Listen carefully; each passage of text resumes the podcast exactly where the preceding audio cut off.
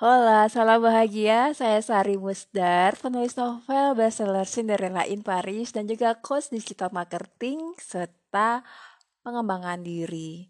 Untuk teman-teman yang baru menemukan podcast Sari Musdar di Anchor atau Spotify, apa sih tentang podcast Sari Musdar ini? Podcast Sari Musdar ada segmen-segmen tentang digital marketing, dunia kerja, uh, juga traveling, ada juga self love, bagaimana mencintai diri sendiri dan menerima diri apa adanya.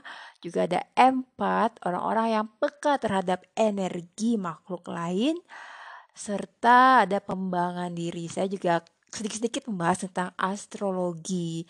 Astrologi secara ilmu karena saya memang kursus tentang astrologi. Tadi saya bilang saya adalah penulis novel, novel saya, novel saya Cinderella in Paris sempat bestseller, uh, pernah dibahas juga di majalah Femina. Uh, sebenarnya saya juga punya naskah novel lainnya yaitu Amole. Uh, cuma sudah sekian tahun lamanya uh, tertunda, teronggok naskahnya di dalam laptop saya karena mentok atau yang dinamakan uh, writer block. Tapi writer blocknya lebih karena masalah psikologi sih. uh, karena ini kan berdasarkan ini sebenarnya fiksi ya. Saya ingin membuat novel ini fiksi, nggak ada hubungannya dengan politik, jadi saya harus mengemasnya, memilah-milah supaya novel ini benar-benar dinikmati sebagai novel fiksi ya dan tidak membahayakan saya. Misalnya nanti saya salah nulis atau salah apa gitu ya. Atau orang jadi interpretasi interpretasi macam-macam. Oke uh, saya mau bercerita lagi tentang novel Amole. Uh, novel-novel saya saya baru punya satu novel udah bilang novel-novel saya. Uh, novel saya itu biasanya novel fiksi sih tapi juga uh, diilhami kisah yang saya alami sendiri uh, dan biasanya bagaimana cara saya untuk melupakan masa lalu atau uh, pertemuan saya dengan laki-laki di masa lalu gitu ya intinya uh, cuma saya ingin melupakan dengan proses dengan uh, cara yang indah dan ikhlas benar-benar ikhlas melupakan membuang bagasi di masa lalu oke okay. uh, saya mau kalau kalau sebelumnya saya sudah membaca cuplikan sedikit dari bab 14 tentang ajari aku mencintaimu. Yang ini adalah bab 4. Ini bercerita tentang tokoh laki-laki yang disukai oleh tokoh utamanya. Jadi ada dua tokoh, ada tokoh Raisa dan tokoh Terence. Fiksi ya, ini fiksi ya. Uh, bab 4 Terence. Lovers don't finally meet somewhere. They are in each other all along. Rumi. Dari kaca buram di depanku, ku intip hujan tidak pernah lelah menemani gunung-gunung raksasa di depanku bersama kabut putih yang bergerak pelan di sekitar gunung-gunung tersebut. Dari siang tadi, dia berlomba mencari perhatian gunung yang tetap angkuh di seberang sana. Kabut dan hujan di sini datang begitu cepat dan mudah, sama seperti helaan nafas.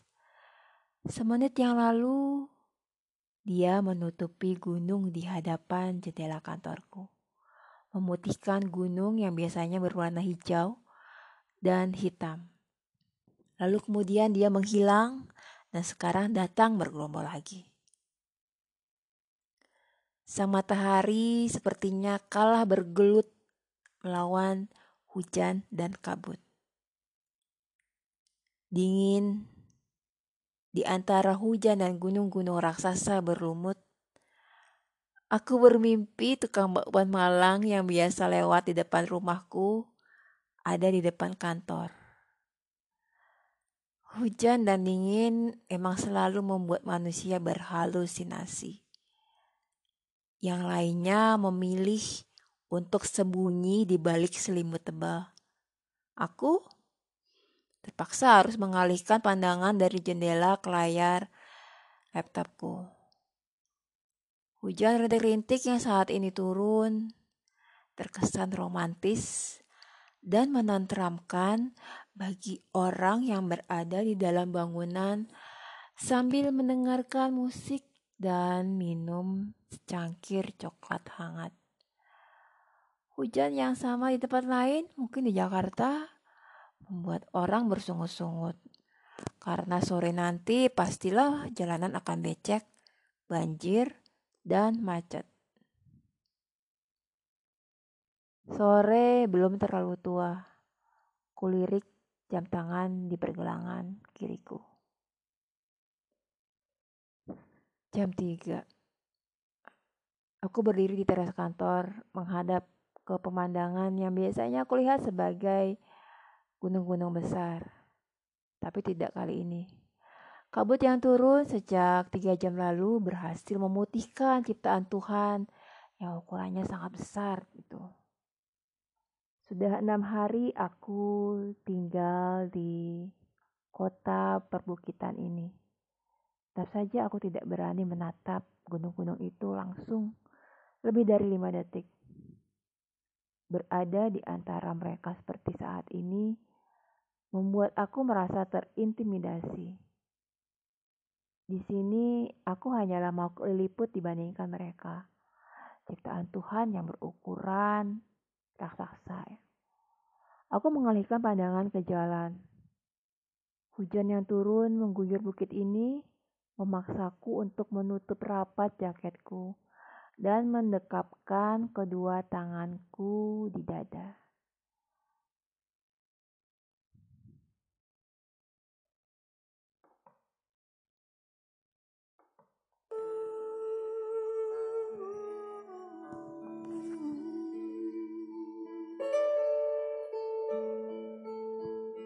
You remember me when the west wind moves among the fields of barley. You can tell the sun in his jealous sky when we walked in fields of gold. So she took her love for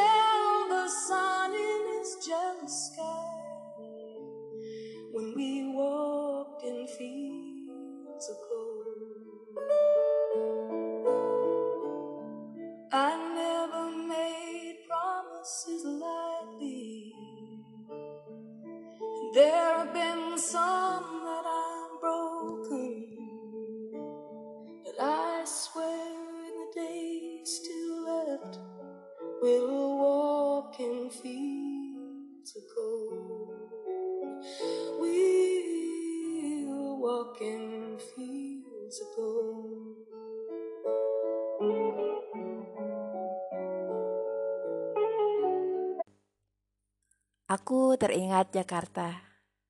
Kota yang kubenci karena kemacetannya yang semakin menggila tanpa jadwal dan tanpa perlu memberi alasan. Jakarta hanya lengang saat penduduknya bermigrasi massal ke daerah asal mereka. Mirip seperti burung-burung seagulls yang terbang bergerombol pindah ke tempat yang sedang mengalami musim yang lebih hangat. Kubisikkan pelan-pelan kerinduanku pada kota sibuk itu. Apa kabarmu Jakarta? Tapi yang keluar dari mulutku hanya lingkaran kecil seperti kapas putih. Di antara udara dingin Amolepura. Uap dingin keluar dari bibirku seperti yang pertama kali aku alami saat menggigil di antara rintik-rintik hujan di stasiun bis dekat Gare du Luxembourg beberapa tahun yang lalu. Dulu aku hanya melihat uap dingin keluar dari pemain sepak bola Juventus. Tanpa sadar dengan kenoraan orang Jakarta, aku sengaja membuka mulutku membentuk beberapa uap dingin. Tepat di saat itulah wajah dingin si Kasper muncul dari anak tangga. Masih mengenakan baju overall yang menutup rapat seluruh badannya. Savok, sepatu boot berselutut berwarna kuning menyala, kacamata Google, dan helm putih. Dia menyunggingkan ujung bibir kirinya seolah ingin menertawakan kebodohanku barusan.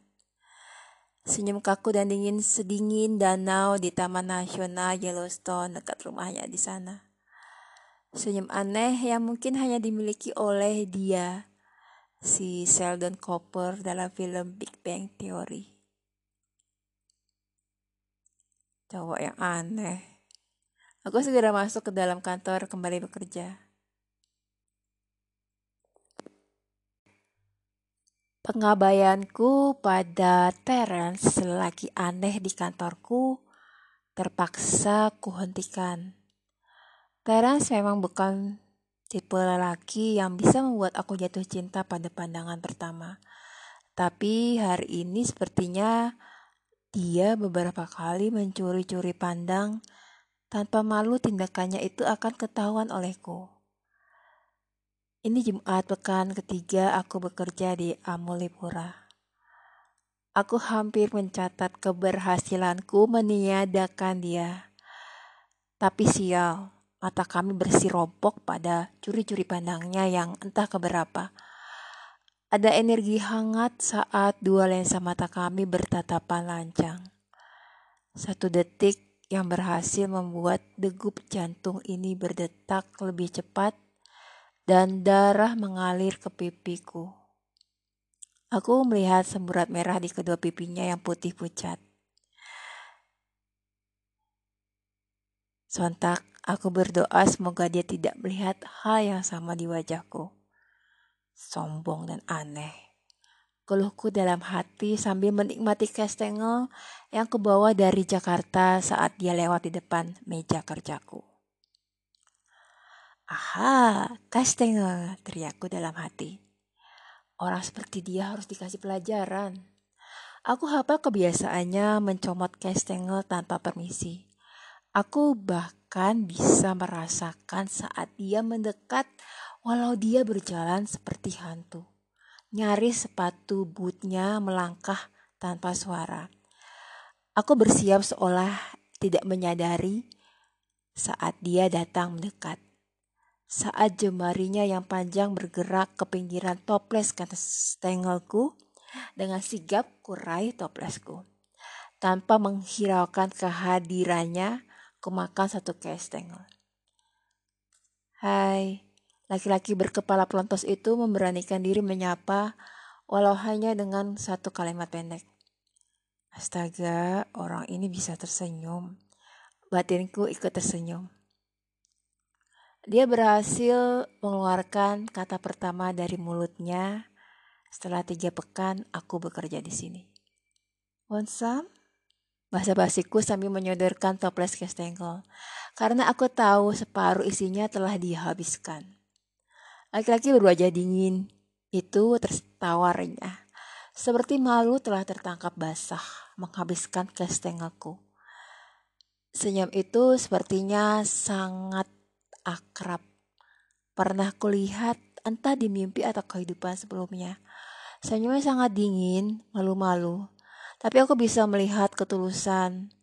Senyum yang sepertinya sudah ingin dia berikan sejak hari pertama aku bekerja di sini.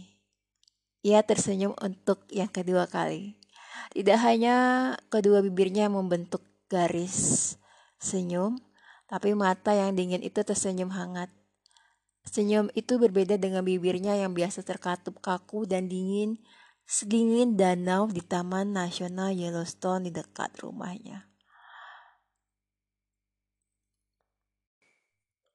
Hola, salam bahagia. Saya Sari Musdar, penulis novel bestseller Cinderella in Paris, novel untuk perempuan tangguh. Tapi kalau kamu laki-laki mau baca apa ini juga gak apa-apa. Atau mau dihadiahkan ke perempuan yang kamu sukai atau kamu cintai.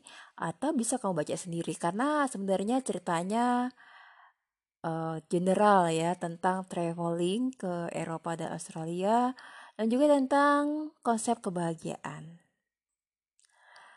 Oh ya, saya juga sebagai seorang coach untuk pengembangan diri dan digital marketing. Untuk kamu yang baru dengerin, baru nemu podcast Sari Musdar, mungkin nanya uh, sempet bertanya-tanya, ini podcast tentang apa sih? Podcast saya ada tentang digital marketing, ada dunia kerja karena saya latar belakangnya bekerja di HRD dan juga traveling. Tapi mulai akhir 2019 saya juga membahas tentang empat. Itu adalah orang-orang yang peka ke energi makhluk hidup lain. Juga tentang self love, tentang konsep menerima diri apa adanya dan mencintai diri apa adanya sebelum membagikan cinta itu ke orang-orang entah itu pacar, suami, istri, orang tua, adik, kakak, ataupun anak. Juga membahas tentang tentunya pengembangan diri. Dan kadang-kadang membahas astrologi berdasarkan ilmu karena saya kursus astrologi. Saya tadi bilang saya adalah penulis novel. Sebenarnya saya juga punya naskah novel yang sudah teronggok sangat lama di laptop saya. Kenapa jadi blognya lama banget, mentoknya lama banget? Karena novelnya berlatar belakang, ini novel fiksi sebenarnya ya, berlatar belakang eh, kehidupan di situs tambang di Papua. Saya tidak mau ini terlalu serius atau ada ada bau-bau politiknya.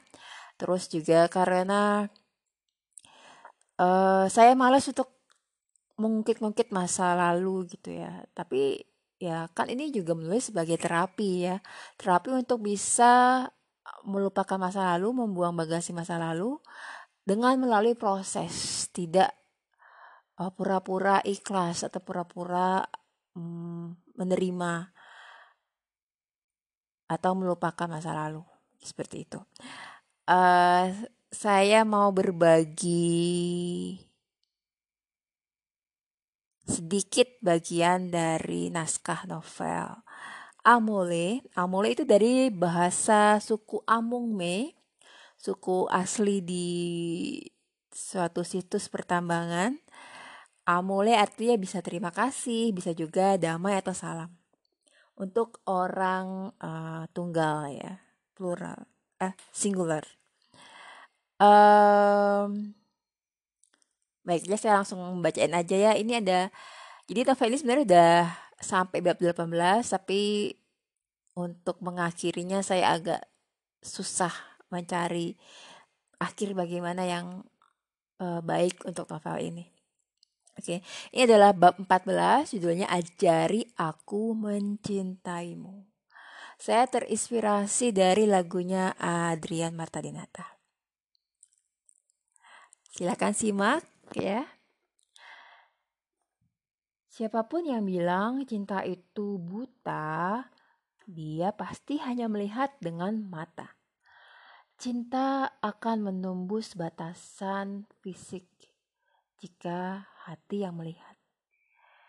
Cinta itu buta saat orang yang dulu ku benci dengan amat sangat entah mulai detik kapan tanpa aku sadari merajai hatiku. Tanpa aku tahu kapan hati ini berubah menyukainya. Jangan ditanya alasan mengapa bisa jatuh cinta pada orang yang dulu aku benci. Tiba-tiba di antara semua orang, dia terlihat sangat menarik di mataku. Radar di dalam hati seolah menjadi sangat sensitif ketika menyadari dia ada di dekat aku. Cinta datang seperti pencopet. Itulah yang aku rasakan saat setiap melihat Terence, si laki aneh di kantorku. Sama seperti malam-malam sebelumnya, selesai makan malam di mess hall flamboyan, aku menyusuri jalan menuju barak. Sebenarnya ada bis dari shopping family menuju tempat aku tinggal, tapi aku lebih senang menikmati malam di Amulepura dengan berjalan kaki, membiarkan kabut dingin membelai kedua pipiku. Suatu saat, aku pasti akan merindukan semua ini. Detik demi detik. Berjalan perlahan, seolah menikmati kesunyian Amulepura. Aku menatap bangunan modern di tengah kepungan gunung-gunung raksasa kaya mineral yang tertutup kabut putih dan disiram hujan rintik. Semuanya terasa indah pada komposisinya seperti puisi yang berbunyi indah di telinga. Inilah me time terbaik. Hanya ada aku, kabut, rintik hujan, gunung-gunung yang seolah menjagaku, uap udara dingin yang keluar saat aku menghela nafas, serta bau wangi bunga datura yang tumbuh di pinggir jalan, yang menyeruak ke hidungku bercampur bersama bau air hujan yang jatuh ke tanah. Indah. Semuanya ini nanti akan menjadi kenangan. Hanya masalah waktu. Ini romantisme yang aku hanya bisa nikmati sendiri bersama alunan lagu Ajari Aku dari Adrian Marta Dinata.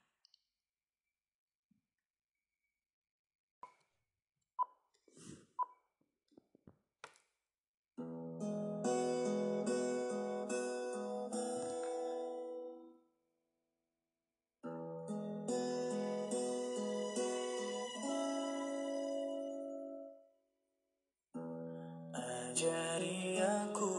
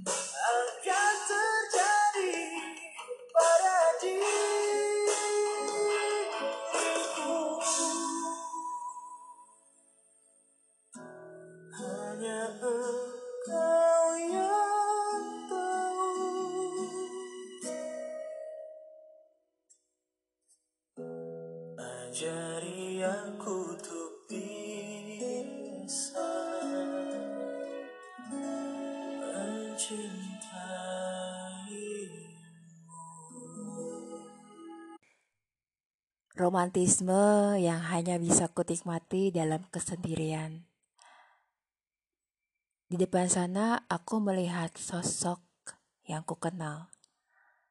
Masih mengenakan baju kerja overall dengan helmnya, helmnya Fox dan juga sepatu safety boot menutup lutut. Tanpa ragu, aku memanggil.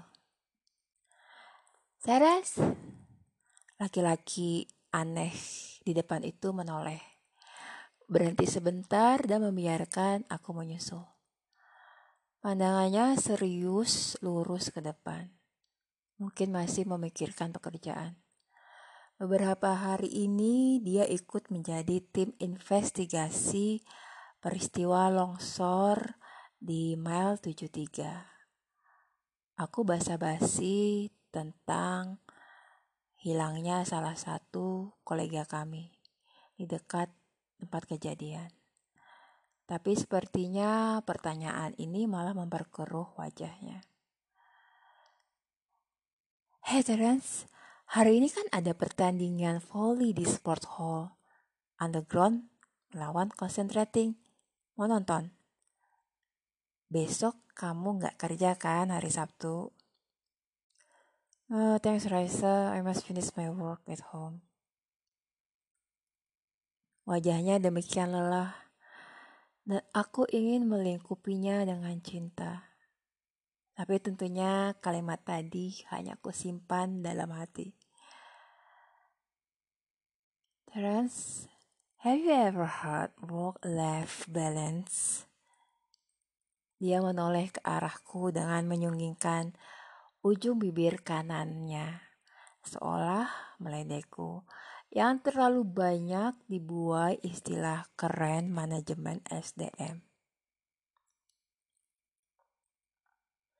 Definitely you need that. Aku tertawa mengejeknya tak mau kalah. Rasanya satu-satunya orang di kantor yang berani mengkritiknya hanya aku. Dia melirikku dan tertawa. Tawa yang sama saat dia menggodaku di lorong toko hero saat pertama kami berkenalan.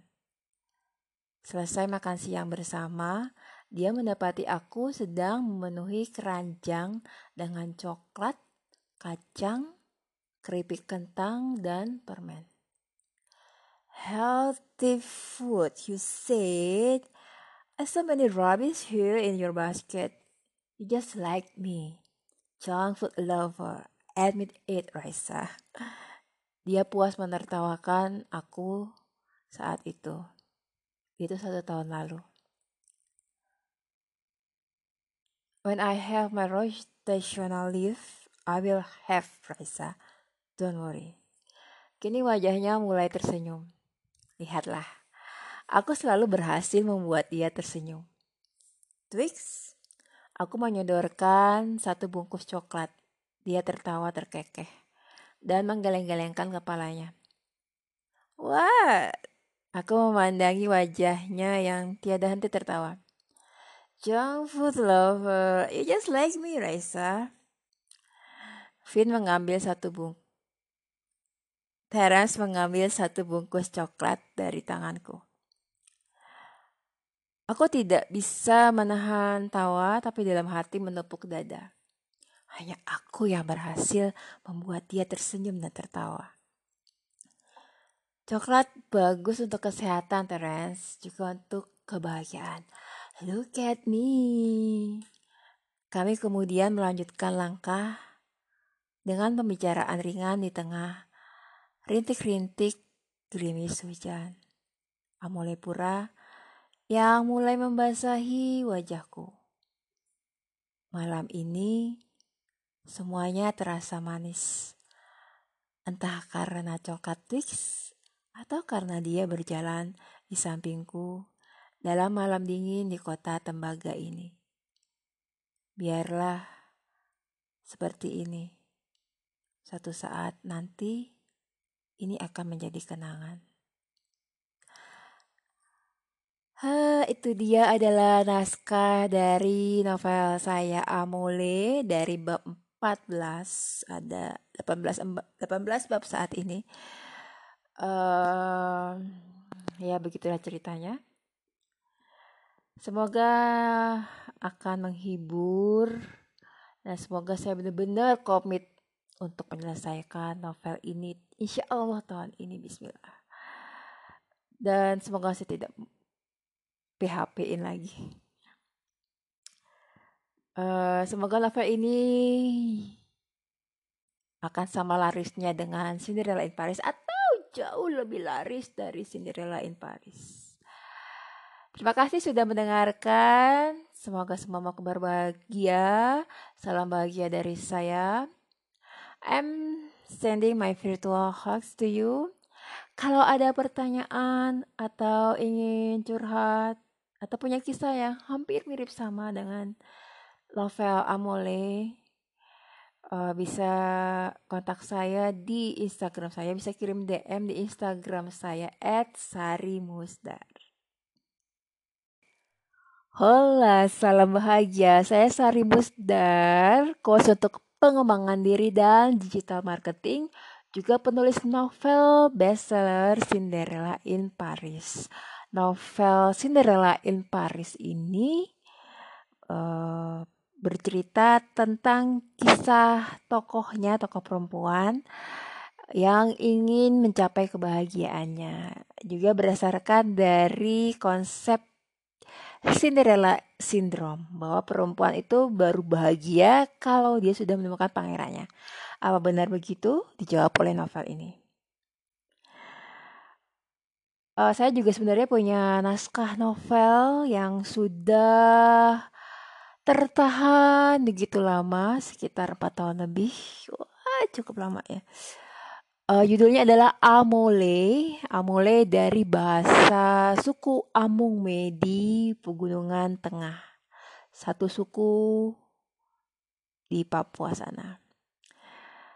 Seperti juga dengan Cinderella in Paris, novel saya biasanya adalah bentuknya fiksi berdasarkan kisah nyata yang dibelok-belokin dikit atau belok-belokin banyak. Um, dan juga itu adalah cara saya untuk terapi melupakan masa lalu atau melupakan laki-laki yang pernah hadir di dalam hidup saya. Tentunya saya ingin move on, tapi move on dengan proses dan ikhlas. Jadi menulis adalah bentuk terapi saya. Di segmen beri sebelumnya saya sharing dari bab 4 dan bab 14 dari naskah novel Amole. Oh ya, Amole itu artinya adalah salam atau damai atau terima kasih untuk orang tunggal atau singular. Baiklah saya mau sharing untuk bab 7 tentang mogok kerja. Simak ya. Mobil kami mulai menuruni jalan memasuki mile 71. Tepat di titik mile 71, jalan nurun yang kami lalu ini menyatu dengan jalan di sebelah kiri. Tak jauh dari mobil Ford putih kami, di sebelah kiri tampak bangunan pos penjagaan Tentara Republik Indonesia. Di sebelah kanan tampak terpal-terpal seperti ger, rumah tradisional orang Mongolia di Cingsin Kurecam. Hanya saja di sini warnanya hitam, bukan putih seperti di Mongolia. Bangunan dari terpal itu dijadikan pos penjagaan polisi atau brimob. Di depan lapisan selaput kabut di depan lapisan, di depan sana, kulihat lapisan selaput kabut menyamarkan pandanganku yang hanya melihat bayangan. Warna hijau yang kuduga pohon-pohon besar di dasar gunung-gunung. Jarak pandang mobil hanya sekitar 7 hingga 10 meter ke depan Di antara mile 71 dan 70, aku melihat mobil dan truk ringsek di bagian depan akibat bertabrakan. Bulu-bulu halus di lenganku terasa berdiri menyentuh jaket merahku. Seseolah memintaku untuk berdoa minta perlindungan kepada Tuhan. Truk nyaris terjun ke jurang jika tidak terhalang pipa besar. Nasib siapa yang tahu? Itu ada di dalam genggaman Tuhan. Hujan kali ini lumayan deras. Di Amulepura hampir setiap jam gerimis datang tanpa diundang. Di sini titik-titik air itu jarang turun berupa hujan besar seperti di Jakarta. Keluar dari terowongan, tidak seperti biasanya aku melihat antrian mobil putih memanjang di depan kami. Wow, saya pikir di sini nggak pernah ada macet. Aku terperang, terperangah. Perasaan saya juga nggak enak nih. Lindi temanku menyahut. Ada longsor ke hari ini?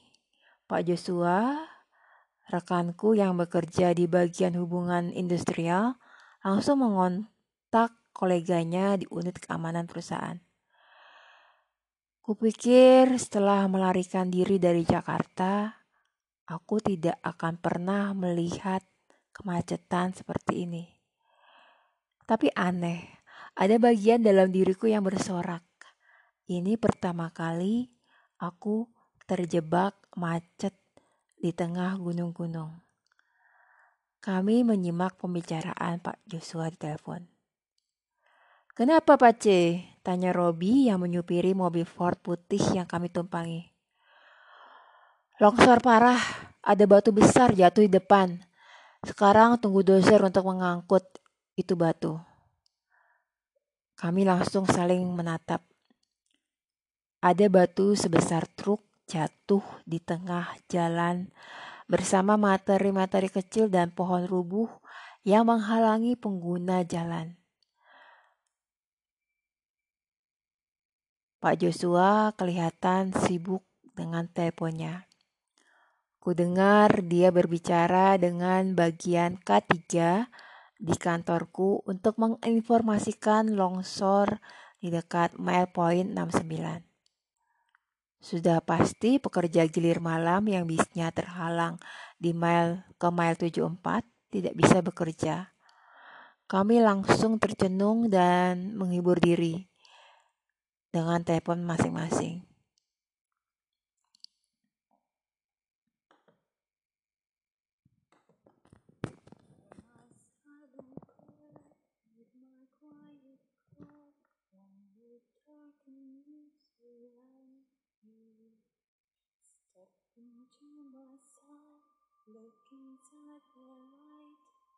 Will know that I have found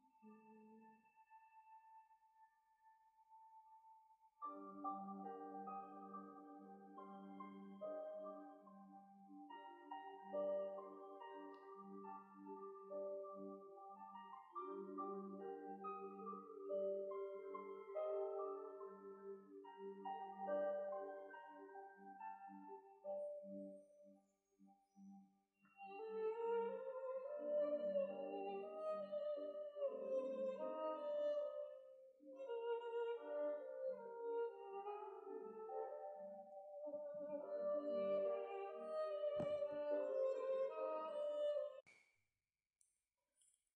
Nih, dengar ya, saya punya cerita. Lidi tampak tersenyum memecah keheningan di dalam mobil. Di Papua sini kami terbiasa untuk berbagi cerita mau Papua untuk mencairkan keadaan yang kaku dan menghibur teman-teman. Asal Lindi dari Sulawesi, tapi ayahnya dulu karyawan di sini dan dia pernah tinggal di Amolepura, suatu kecil hingga SMP. Saya mulai ya, saya mau cerita sapu teman. Yaklep. Jadi begini, Yaklep semakin hari semakin nakal saja di sekolah. Padahal dia sekelas S3 SMP mau ke SMU. Tapi Mama Yaklep bilang dia malas saja minta ampun. Satu kali Yaklep terapi sekolah. Dan esok harinya ibu guru marah dan tanya ke Yaklep. Yaklep, kenapa kemarin kau termasuk sekolah? Yaklep dengan masih menunduk menjawab. Saya sakit ibu. Ibu guru bingung. Kok ini? Kenapa tak kirim surat? Yaklep balas menjawab. Percuma saja ibu. Nanti ibu juga tidak mungkin balas no.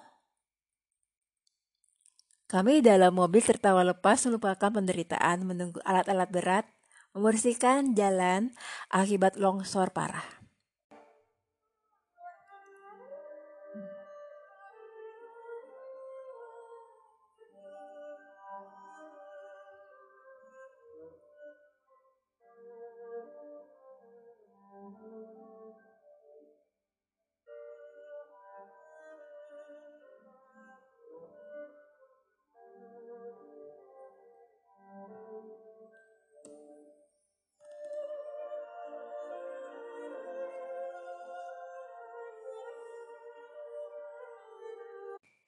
Pak Joshua tak mau kalah.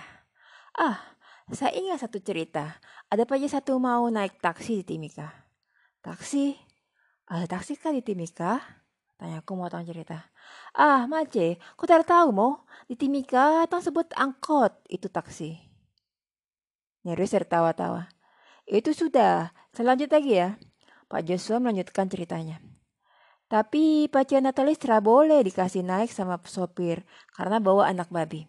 Lalu Natalis kasih masuk anak babi ke dalam karung, baru kasih stop taksi yang lain. Si supir taksi tanya ke Pace Natalis, itu apa di dalam karung? Pace Natalis kasih jawab nang, kasih jawab, nangka Pace. Supir langsung jawab, oh naik sudah. Pace Natalis pun naik. Di dalam taksi terdengar suara babi ngorok. Grok, grok. Satu taksi kaget.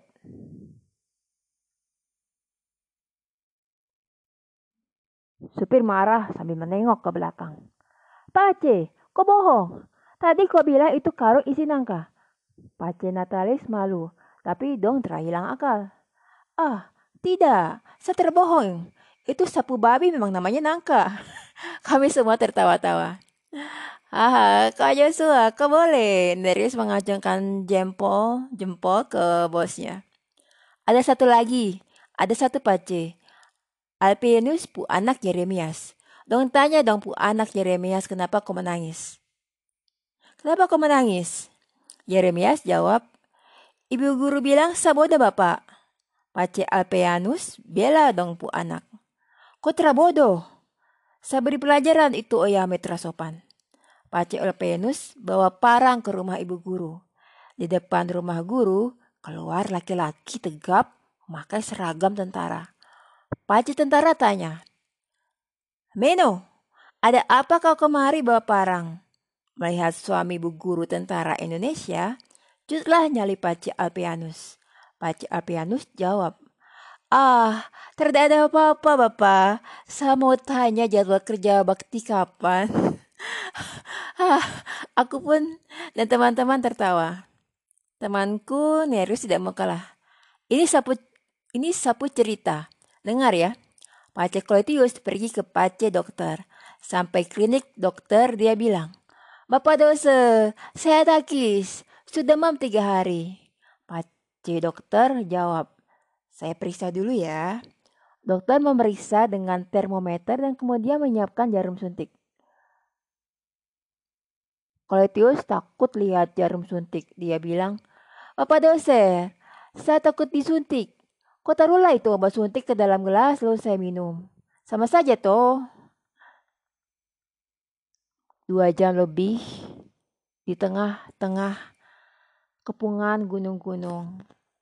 Malam makin dingin, aku mulai menyadari perut yang lapar menahan kami untuk tertawa lepas. Obora, obrolan di dalam mobil berubah menjadi cerita horor sekitar pertambangan dalam gunung. Dua bulldozer sudah datang sekitar satu jam lalu membersihkan jalan akibat longsor. Entah apa yang dilakukan orang-orang di dalam deretan mobil dan bis di ruas jalan mile 71 hingga mile 70 untuk membunuh rasa bosan dan lapar. Beberapa orang turun dari bis oranye dan berhenti tak jauh dari mobil kami. Sudah pasti mereka tidak tahan terjebak di tengah pegunungan karena longsor di malam minggu yang dingin. Sementara aku dari kantor tadi sudah membayangkan diri pulang cepat. Jam 6 tepat kami langsung berhamburan menumpang mobil Ford. Kami ingin memanjakan lidah dengan masakan Indonesia yang lezat, hasil olahan istri-istri karyawan yang jual di Cafe Honai. Pembicaraan sebelum mencapai 71 tadi riuh dengan nama-nama kuliner khas Indonesia. Aku membayangkan coto Makassar, pisang hijau, sate ayam, siomay, bakso unyil Bandung, dan wedang ronde.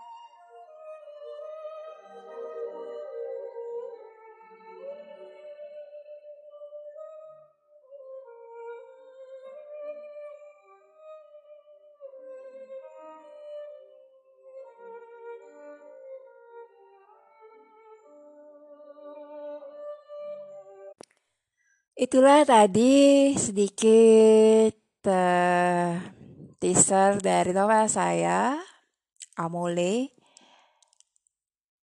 Uh, berdasarkan kisah nyata ini, uh, saya pernah terjebak setelah pulang dari kantor. Ada batu besar menggelinding dari gunung ke jalan. Semoga menghibur walau agak sedih. Uh, jika bermanfaat atau jika menghibur, jika ingin sharing, boleh-boleh banget uh, sharing di medsos teman-teman. Kalau ingin kontak saya atau tanya-tanya bisa kontak di Instagram DM Sarimusdar. Salam bahagia. I'm sending my virtual hugs to you.